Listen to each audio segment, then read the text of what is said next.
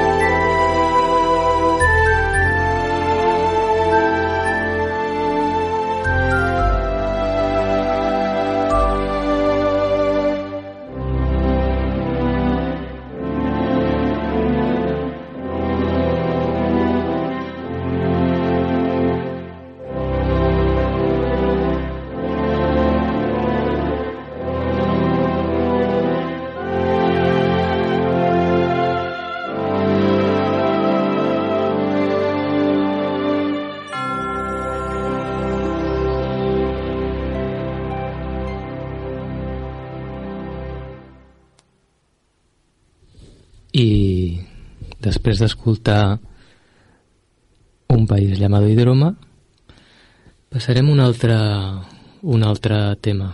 Aquest tema va sortir un hivern, va sortir una nit d'hivern. Una nit d'hivern que estava sol, una nit d'hivern que feia fred i que me'n vaig anar a passejar per la platja.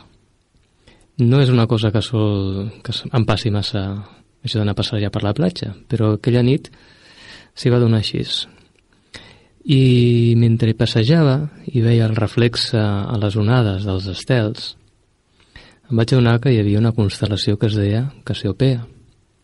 El tema es diu El reflejo de Cassiopea.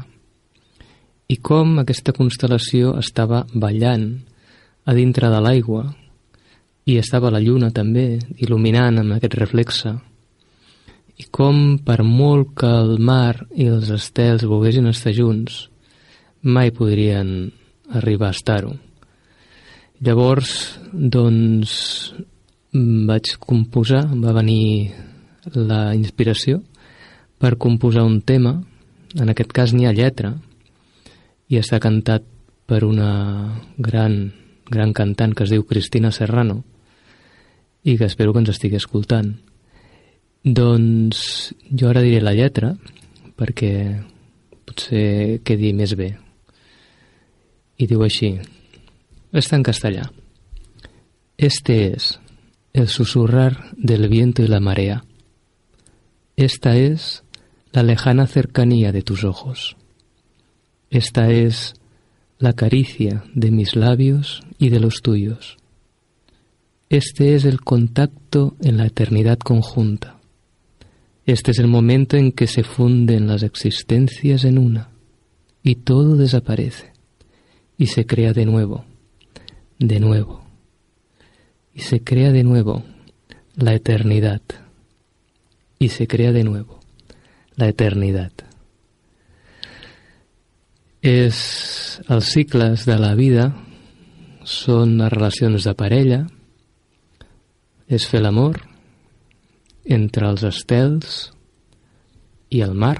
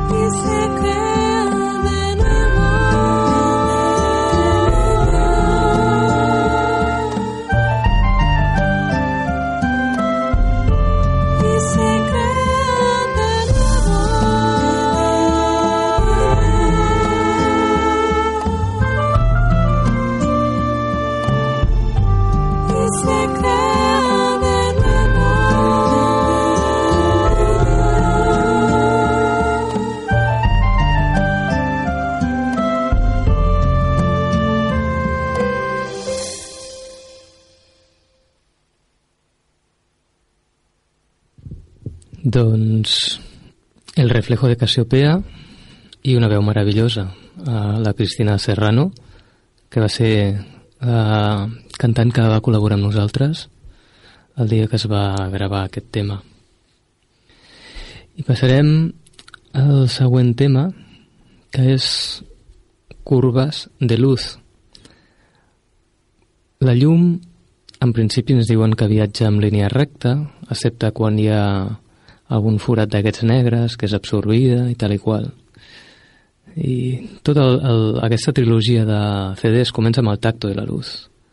I aquí una referència a aquest curves de luz, és un tema molt curt, però realment el tipus de so està desafinat d'una manera perquè dongui la sensació de que aquesta llum es va girant, es va moldejant.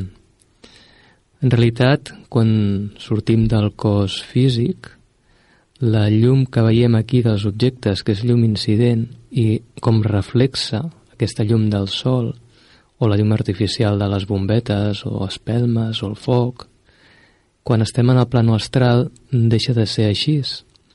I els objectes del plano astral per si mateixos desprenen llum.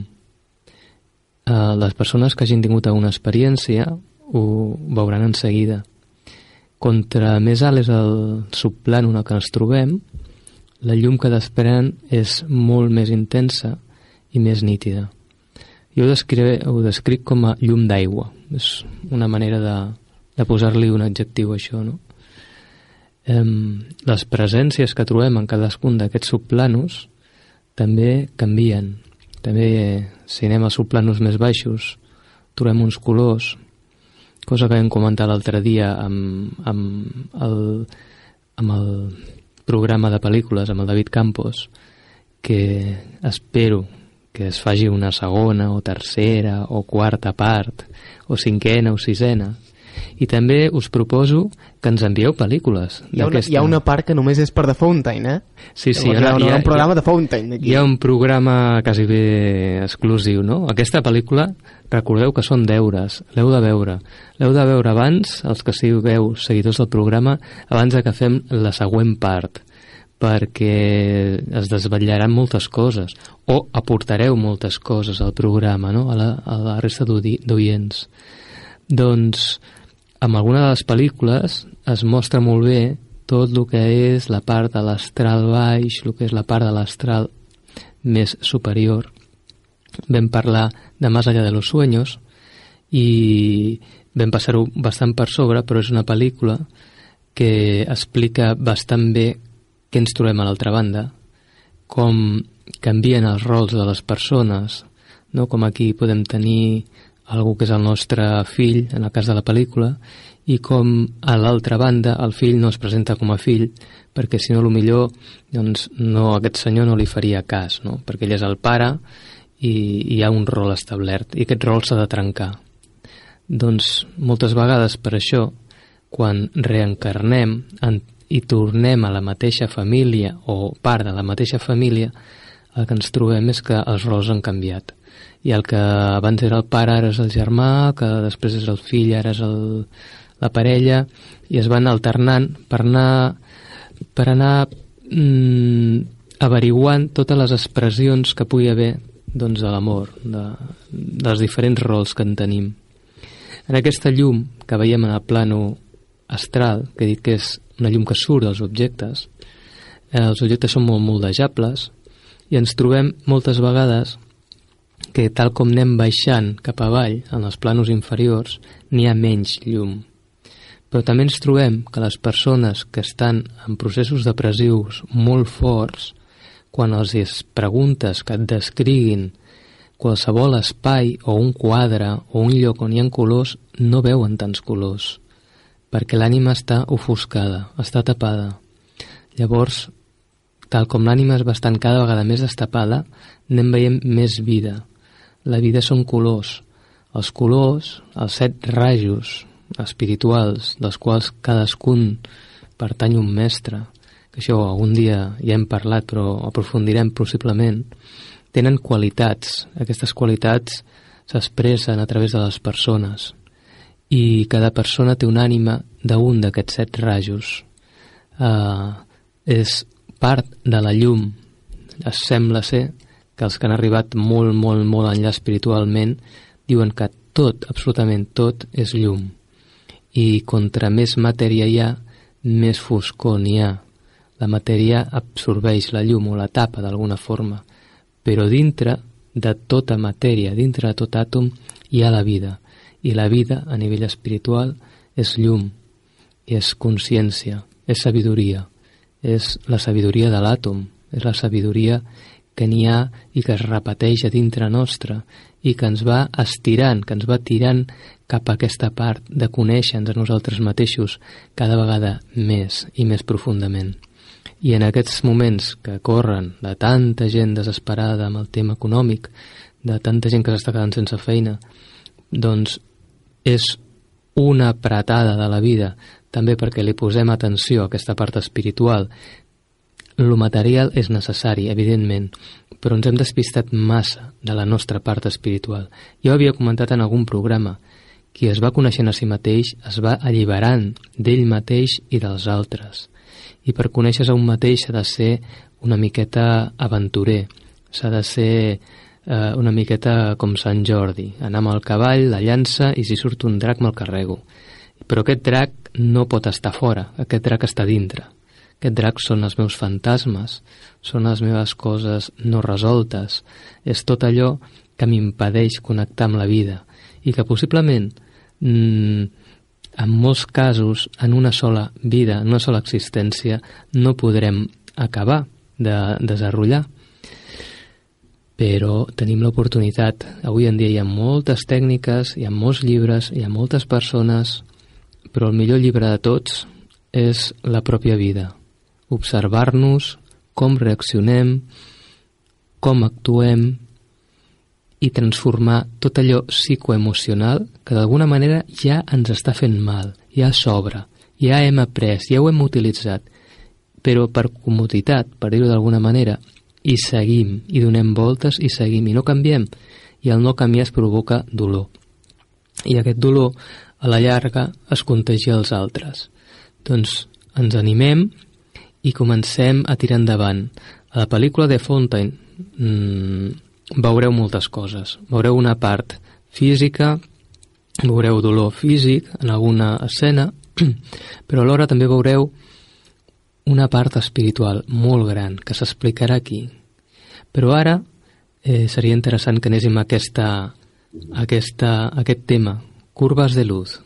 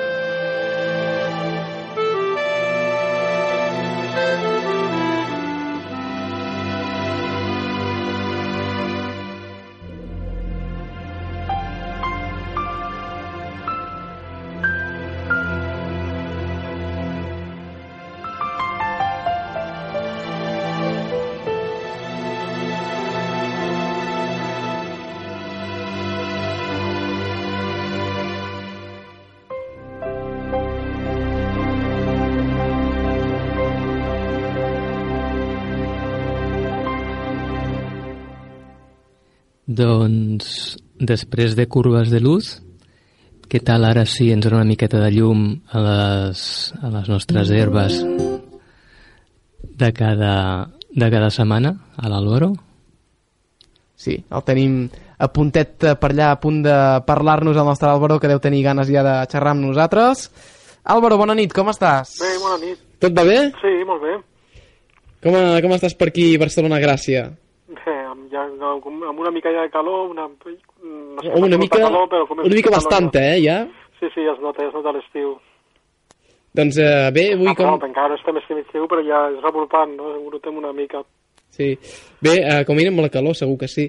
sí. Comentàvem, però, que encara que, que no sigui un estiu, però ja a la primavera comencen a venir temes d'al·lèrgies, que alguna vegada aquí n'hem parlat així d'una forma més general, i avui et deia, Álvaro, alguna cosa així més específica que vagi bé per uh, segons quins tipus diferents d'al·lèrgia, potser molt típics d'aquesta època de, de l'any? Tu m'has dit que n'hi ha alguna de molt especial, a més a més. N'hi ha moltes, però mm, hi ha una planta que va no només va per al·lèrgies respiratòries, sinó per al·lèrgies quasi, quasi en general. No és que vagi per, qual, per qualsevol al·lèrgia, sinó que, que és una planta que, que en general per, per enfermitats, malalties, eh, tot el que sigui procés inflamatori pot anar bé. No per totes, però per moltes sí que pot anar bé. Quan, quan, hi ha una inflamació és una planta molt potent, que és una planta poc coneguda a la nostra terra, però, però que té una, té una, com una mena d'aura de, de màgica, de sagrada, moltes vegades les plantes que, que tenien fama sagrada o màgica era precisament per, perquè eren molt medicinals. Llavors estem parlant per, del comí negre, una planta que es fa servir molt molt, al món musulmà i a Àsia, però no és massa coneguda aquí, però és una planta excel·lent per problemes d'al·lèrgies. Que com sempre et pregunto, Álvaro, que molta gent a vegades m'ho diu, eh, totes aquestes que anem especificats, sobretot les més rares o les més, eh, bé, que com a mínim la gent que no hi entenem tant doncs no en sonen, sí. eh, les podem trobar totes nosaltres? Eh, o quina zona ja que hi som, si, si és així, les podem trobar nosaltres mateixos, per on les hem d'anar a buscar? Home, aquesta, aquesta la nostra terra eh, crec que recordar que no es produïa, es fa, es fa, sí que es fa moltes... Eh, sí que està el Mediterrani, està més al mig, al mig orient, però a casa nostra no hi és aquesta herba. Per tant, si anem a l'arbolisteria, però això sí, sí que en podem, en podem trobar, no? Home, costaria una mica de trobar, però, però val la pena buscar-la, perquè és una doncs, planta molt potent. Directament, en tens, Álvaro, tu o no? Sí, sí, jo en tinc, però no soc evidentment no sóc l'únic que la té, però... No, segur que no, segur que no. Però és una planta, si però... s'encarrega qualsevol volari segurament la poden portar. Però ja que em comentes que és difícil de trobar, dic, home, deixa'm-li dir ja que ell sap de què va, si en té directament o no. Més que en planta, la planta va bé, però també es fa, més aviat es fa servir l'oli d'aquesta herba. És un oli que té, molt, que té molts greixos insaturats, molts omegas, i llavors va bé per malalties, dit, tot el que sigui malaltia inflamatòria, algunes infeccioses i algunes... Eh, i algunes, eh, a veure si inflamatòria, infecciosa i algunes, i també al·lèrgies, tipus al·lèrgia. Tant respiratòria com de pell, és bastant general el seu ús també hauria de dir, home, si, si un té una al·lèrgia respiratòria, hi ha moltes herbes que sí que tenim al nostre voltant, per exemple l'angèlica, que seria també una opció. És que també hi ha una qüestió amb les al·lèrgies respiratòries, no tothom li va les mateixes, les mateixes herbes. Però, per exemple, una cosa que és molt freqüent, el que et comentava abans, el del polen, que sí. hi ha molta gent que té al·lèrgia al polen, hi ha alguna cosa que, que va bé, que és coneguda, que va molt bé per, a, per això? Per exemple, el polen. Si prens polen d'abella va bé per això. Una cosa curiosa, no? Sí, és sí, com sí. l'ortiga que va bé per, per... És com una paradoxa. Sí, sí, l'ortiga va bé per urticació, per exemple, i el polen, eh, in, eh, evidentment ingerit, va bé per al·lèrgia, per al·lèrgia al polen. No, mm, a veure, quan parlem d'al·lèrgia sempre s'ha d'anar al metge, s'ha de veure, s'ha de, de, de veure quin tipus d'al·lèrgia hi ha, perquè hi ha gent que ha de prendre inhaladors o, o, o antihistamínics, clar, però de vegades amb una herba pot, pot ser que passis sense, sense massa problemes. Bé, doncs, eh, com que ja hem especificat bastant, eh, si et sembla, dir, em comentes alguna cosa més generalista que tinguessis tu a punt, que aquesta te l'he demanat una miqueta jo personalment, sí. i, i bé, avui tenim temps perquè ens esplaiem, si vols. Sí, sí, a veure, per exemple, per les espiatres hi ha una planta que va molt bé, que és l'angèlica. L'angèlica és una altra planta que també, el seu nom ja, ja t'ho el que parlaven abans, no? les plantes que són que tenen fama de sagrades, màgiques, doncs l'angèlica, clar, és una, és una planta angelical, una mica que pues, aquesta és una herba que fan servir molt els monjos, és una herba que va molt bé per, per problemes respiratoris, per, per al·lèrgia, per aquesta contínua mucositat al nas. Eh, és una planta, mm, a casa nostra sí que la tenim, l'angèlica, no és que és, només fa servir més la llavor que la, que l'arrel, que són les dues, les dues possibilitats que pots trobar als herbolaris, però, però va molt bé per, per problemes d'al·lèrgia aquesta herba, l'angèlica. Una altra planta que va molt bé també és la perpètua, la, també li diuen elicriso o sol de oro, és una herba que també es fa servir, hi ha molts preparats ja, molts, molts productes manufacturats que porten, que porten aquesta herba. Eh, després també la, la, la flor de sauquer també seria una altra opció per, per, per, al·lèrgies, l'ortiga que hem parlat abans, és curiós perquè eh, moltes al·lèrgies venen també de que el, nostre, de que el sistema immunitari està com alterat, no? I en herbes com, la, com aquesta que et dic, la, per això també de vegades hi ha picors o, o estornuts, és com si diguéssim una inflamació del cos i aquestes herbes que hem parlat, el comí negre o l'angèlica o, el, o l'angèlica van bé per malalties inflamatòries en general. Perquè, perquè Álvaro, eh, em comentes això i parlant de les al·lèrgies, però ara m'ha fet venir una pregunta al cap. Sí. I és que, per exemple, si tu no és per una al·lèrgia, però no sé, estàs eh, refredat i tens aquesta picor del nas o, o aquests estornuts, eh, fins i tot aquí també serveixen la mateixa herba o ja estaríem parlant d'haver d'agafar alguna cosa diferent? No, de vegades, per exemple, la, la perpètua aniria bé. Seria una herba que seria... Pues, de vegades, clar, tampoc un, un té clar si un té un refredat o una al·lèrgia, no?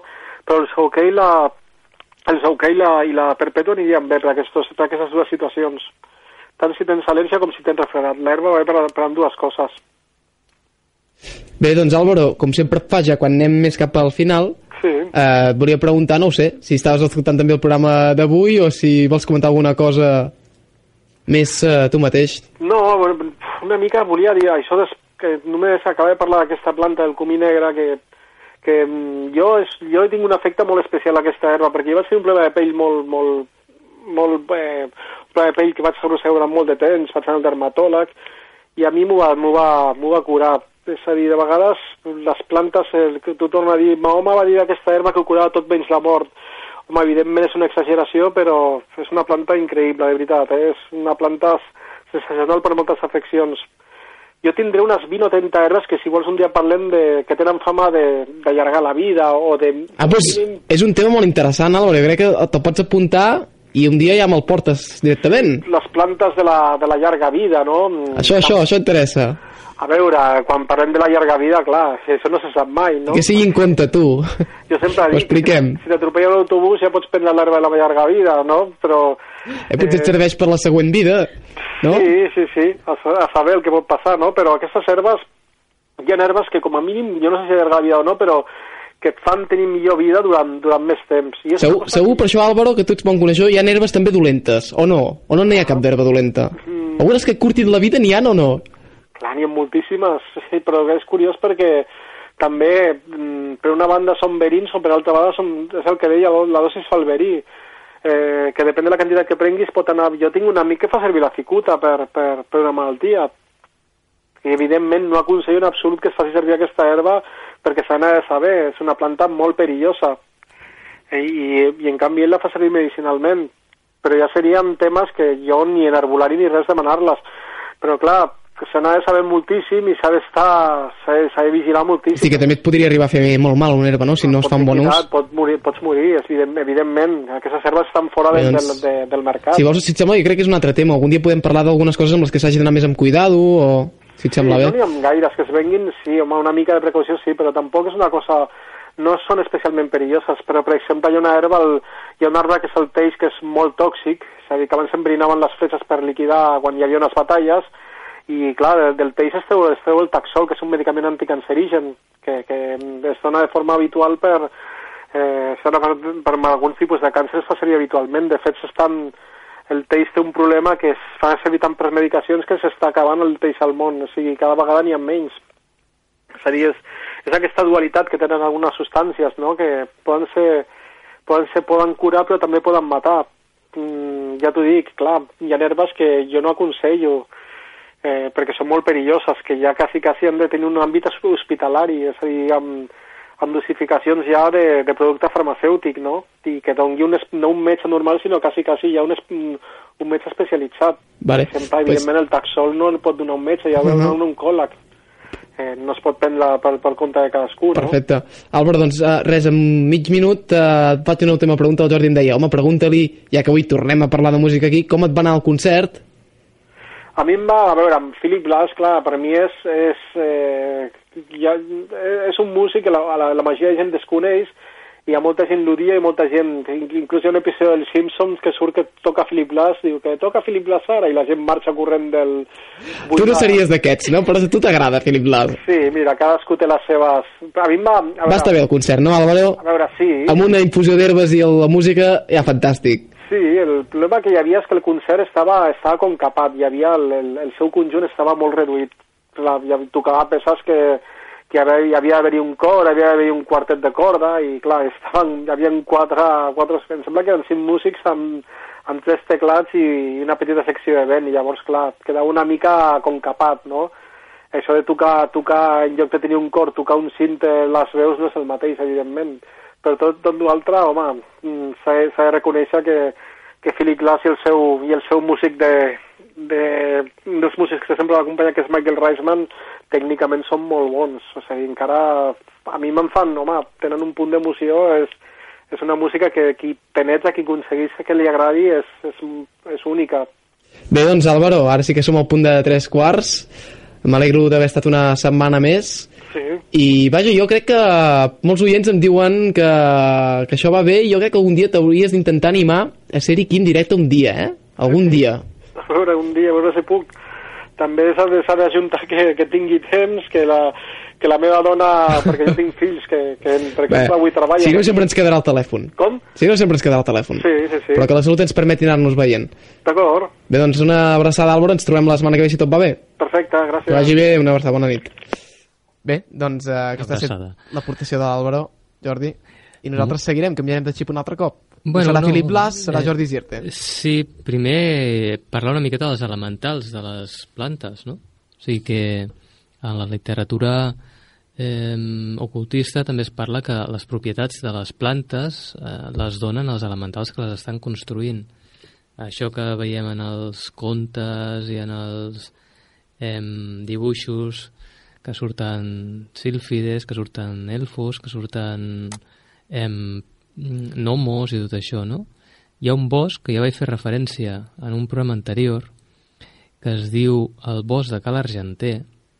És un bosc una mica curiós perquè, bueno, sembla que és privat o no, no queda, quedar molt clar si és privat, si no és privat, i això està a la carretera de la Roca i s'ha de buscar. Allà ha unes espècies d'estàtues de pedra, hi ha un, un, un màgic elefant a, a tamany quasi real, i aquell bosc en concret està molt ple de vida. Hi ha moltes, molts d'aquests certs i, i realment la seva energia passa a les plantes. I part d'aquesta energia és la que després, quan un es fa una infusió o es pren la planta, doncs és les qualitats d'aquests certs la que d'alguna manera ens estan guarint, no? ens estan curant.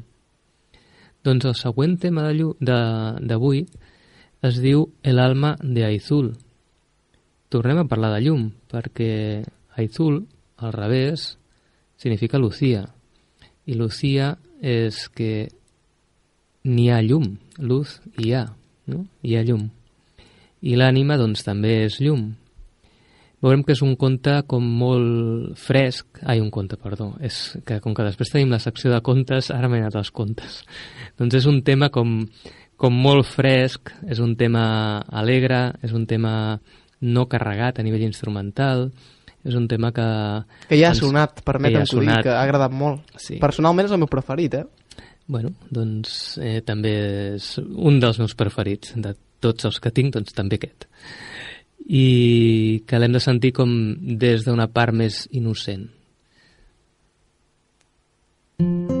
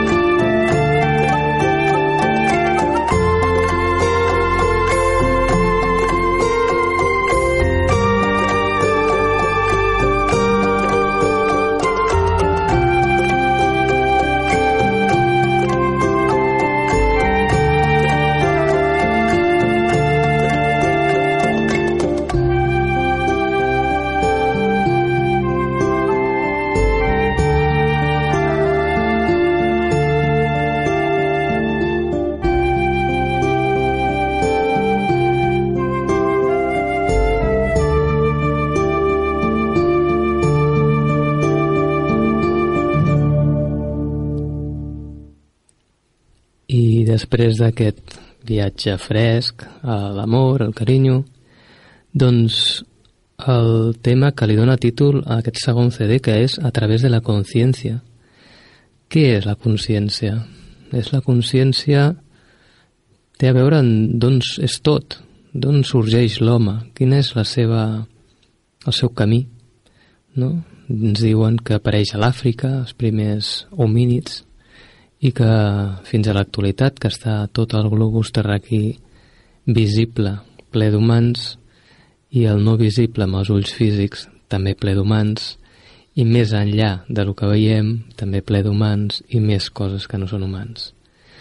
Doncs a través de la consciència, al igual que obrint la ment, és explicar un camí, és explicar aquest viatge que ens porta fins a l'actualitat i més enllà, que ens porta tot el coneixement acumulat des del principi, perquè tota la humanitat és una, això ho hem dit molts cops, i d'alguna manera tot el que està passant en aquest planeta ens està ajudant a evolucionar.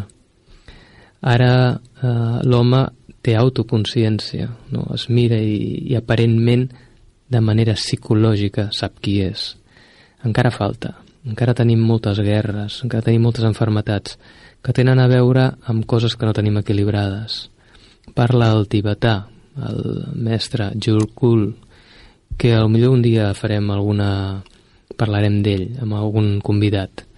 Diu que molts dels àtoms estan encara emmalaltits, com per exemple els àtoms que tenen a veure amb la, amb la qüestió del càncer, i que no ve de la nostra ronda evolutiva, sinó que ve de l'Atlàntida.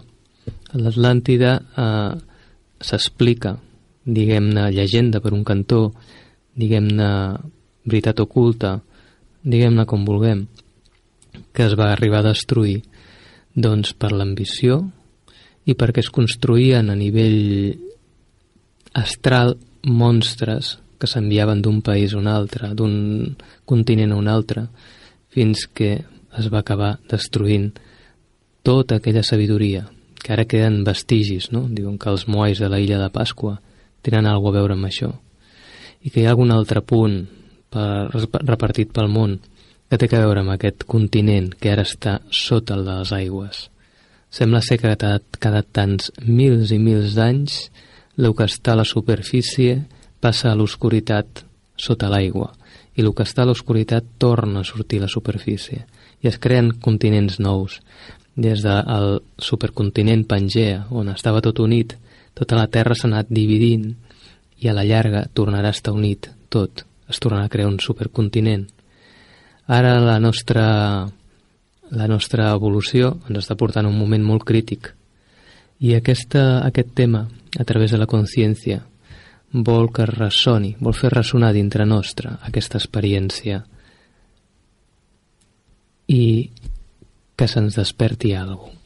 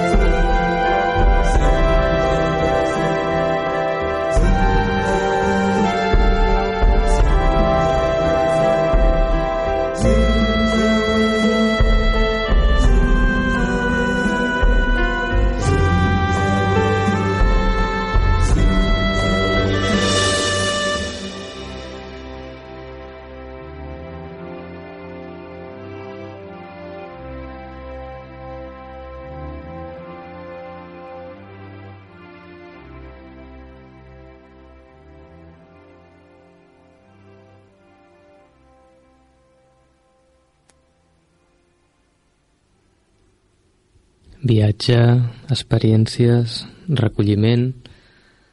La paraula Zimbabwe no ve de l'indret africà, sinó que és una espècie de mantra que va sorgir en el seu moment.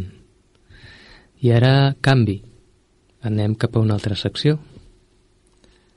Anem cap a la secció del conte de la Eva. I ara hi anirem simplement dir-vos el que us haig de dir obligatòriament com passa això i és que ens passarem una mica però no marxeu si esteu esperant la programació que ve després que primer ens allarguem amb el conte i després ens despedim. Doncs el conte de l'Eva d'avui es titula la, naturalesa, la naturalesa de la ment. És un conte hindú. Es tractava d'un home que portava moltes hores viatjant a peu i estava realment cansat i suós sota l'implacable sol de l'Índia. Extenuat i sense poder fer un pas més, es va estirar a descansar sota un frondós arbre. El terra estava dur i l'home va pensar en lo agradable que seria disposar d'un llit. Resulta que aquell era un arbre celestial dels quals concedeixen els desitjos fent realitat els pensaments. Així que de sobte va aparèixer un confortable llit. L'home es va estirar sobre ell i, gaudint del teu llit, va pensar en lo plaent que seria que una jove li donés un massatge en les seves fatigades cames. Al moment va aparèixer una bellíssima jove que va començar a procurar-li un deliciós massatge. A l'estona, i ja ben descansat, va sentir gana i va pensar en lo bo que seria poder degustar un saborós llupí per menjar. En l'acte va aparèixer davant d'ell els més suculents àpats. L'home va menjar fins a tipar-se i es sentia completament joiós. De sobte, li va saltar un pensament. Mira que si era un tigre m'ataqués, va aparèixer un tigre i el va devorar. Doncs la ment, la ment aquesta que ens porta per un lloc o per un altre. Hem de vigilar el que pensem, no? Però volia comentar una cosa més, la Eva.